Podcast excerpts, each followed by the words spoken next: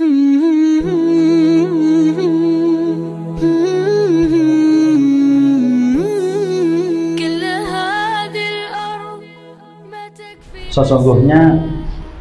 beriman kepada Rasulullah dan mencintai Rasulullah itu merupakan bagian pokok dalam kehidupan iman kita kepada Allah. Karena sesungguhnya iman kita kepada Allah itu mentah sampai kemudian kita beriman dan mencintai Rasulullah Shallallahu Alaihi Wasallam. Karena apabila kita mengaku beriman kepada Allah tapi tidak disertai beriman kepada Rasul, maka semua keimanan itu menjadi mentah dan tidak ada harganya di sisi Allah. Perhatikan Yahudi. Yahudi itu beriman kepada Allah, bahkan mengakui setiap para nabi dari Nabi Adam sampai kemudian sebelum Nabi Isa semua diimani tapi ketika mereka tidak mau beriman kepada Nabi Muhammad Wasallam keimanan mereka menjadi mentah. Dan Allah menetapkan mereka sebagai penduduk neraka. Ketika Allah menyampaikan dalam surat Al-Bayyinah innal ladzina kafaru min ahlil kitabi wal musyrikin fi nari jahannama khalidina fiha. Allah itu berfirman sesungguhnya orang kafir dari golongan ahlul kitab ahlul kitab itu Yahudi dan Nasara wal musyrikin dan orang-orang musyrik fi nari jahannam dia berada di dalam neraka dan, dan kemudian kekal di dalam neraka. Di situ kita mendapati kenapa orang Yahudi dimasukkan ke dalam neraka dan kekal dia di dalam neraka? Karena bukan mereka tidak beriman sama Allah. Mereka beriman sama Allah tetapi mereka menolak untuk beriman kepada Rasul dan mencintai Rasul. Dan itu satu paket dengan orang Nasara. Orang Nasara pun sama dia mengimani semua Nabi Nabi Adam mereka beriman. Nabi Ibrahim mereka juga beriman. Tapi kenapa mereka ditolak keimanan mereka dan dinas oleh Allah sebagai penduduk neraka di dalam surat Al-Bayyinah? Karena simpel mereka tidak beriman kepada Rasul.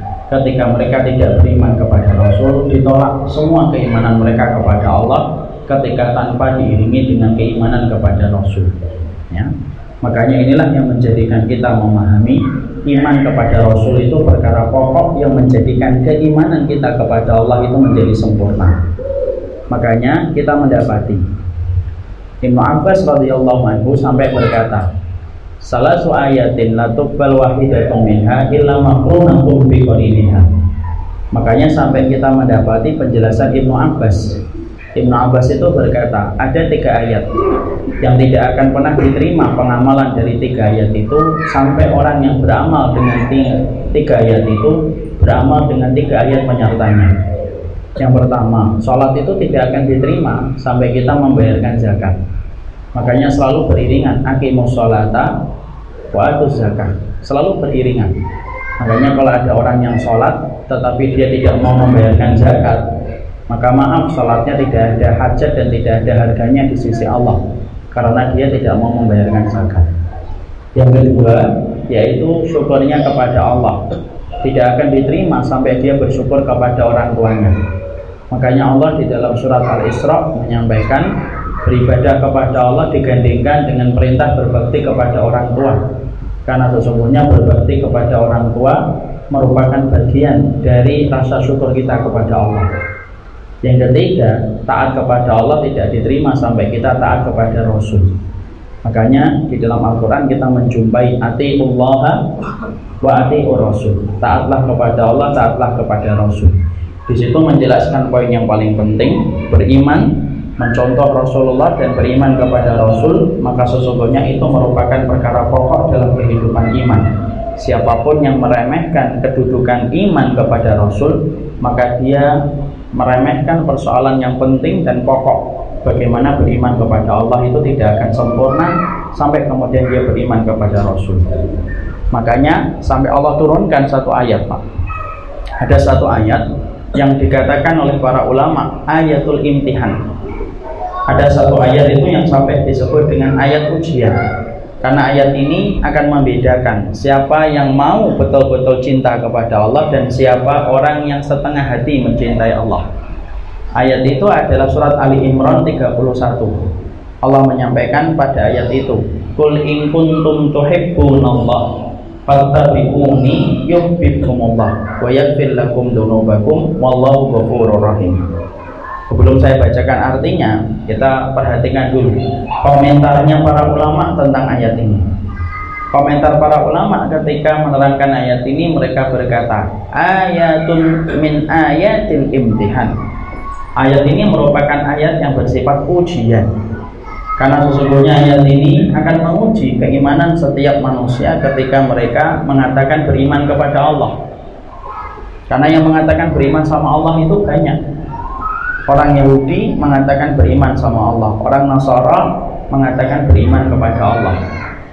Maka sungguh-sungguhnya ketika mereka mengatakan beriman kepada Allah diuji dengan ayat ini. Ayat ini artinya adalah barang siapa katakanlah wahai Muhammad, jika mereka mengaku mencintai Allah, fattabi'uni, maka siapa pun yang mengatakan dirinya mencintai Allah, fattabi'uni, maka dia harus mengikuti aku. Aku ini kembalinya kepada Muhammad Rasulullah. Barang siapa yang telah mengikuti aku, Allah menyampaikan yuhibbukumullah. Mereka itu akan dicintai oleh Allah wa yaghfir lakum dzunubakum dan akan diampuni dosa-dosanya oleh Allah wallahu ghafurur rahim. Allah Maha Pengampun lagi Maha Penyayang. Di sini Allah itu memberikan syarat bahwasanya kecintaan kita kepada Allah itu bukan sebuah kata tanpa syarat tapi sebuah kata yang memiliki syarat dan konsekuensi. Syaratnya apa? kalau memang kamu mencintai Allah berarti kamu harus mengikuti Rasul. Siapa pun yang mereka menentang untuk mengikuti Rasul maka iman mereka kepada Allah dan keinginan mereka mencintai Allah tidak ada harganya di sisi Allah ketika mereka tidak mencintai Rasulullah dan tidak beriman kepada Rasul Makanya tidak main-main. Mencintai Rasulullah itu satu paket dengan mencintai Allah. Mentaati Allah itu satu paket dengan mencintai Rasulullah. Dan itu tidak bisa dipisahkan. Layaknya sholat tidak bisa dipisah dengan wudhu, layaknya wudhu tidak bisa dipisah dari sholat. Semuanya berkaitan dan jangan mencoba dipisahkan. Kalau kemudian dipisahkan berarti yang rusak, rukun iman kita menjadi rusak dan tidak ada harganya di sisi Allah. Ini poin yang pertama. Jadi di sini kita sepakat berarti iman kepada Rasul itu penting, penting. Mencintai Rasulullah itu penting, penting. Siapa pun yang tidak mau mencintai Rasulullah gagal mencintai Allah. Siapa pun yang tidak beriman kepada Rasulullah, dia tidak akan pernah dianggap beriman oleh Allah sebagaimana Allah tidak pernah menganggap imannya Yahudi dan Nasara itu ada. Adanya iman mereka seakan tiada dan tidak ada kedudukan mereka di sisi Allah. Disebabkan satu mereka tidak mau beriman kepada Rasul. Padahal kalau kita pahami ya yang mereka imani dari para nabi mereka itu kan banyak. Ada mereka beriman Ibrahim, Nuh, Ismail, Yakub semuanya mereka beriman. Satu tak saja yang nggak beriman Rasul saja. Muhammad Shallallahu Alaihi Wasallam. Tapi walaupun satu tapi kedudukannya penting Walaupun mereka beriman sampai 23 nabi dan rasul pun tapi satu mereka tidak beriman kepada rasul, maka satu yang hilang menghilangkan 23 yang mereka imani saking besarnya kedudukan rasul di hadapan Allah taala. Ini yang kita pahami.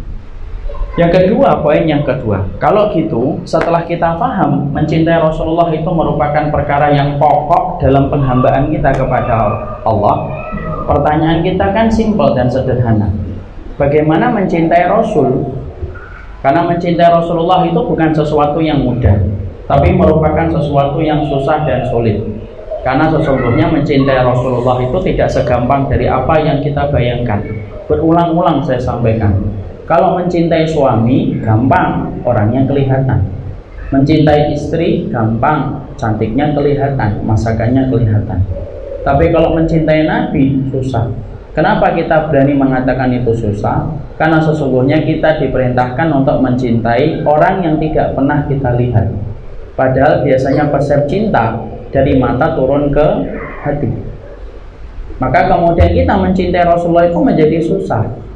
Tetapi walaupun susah, kita paham konsekuensi ini harus kita pegang karena kita sudah memahami di poin yang pertama bahwasanya iman kita kepada Allah itu tidak sempurna sampai kita beriman sama Rasul.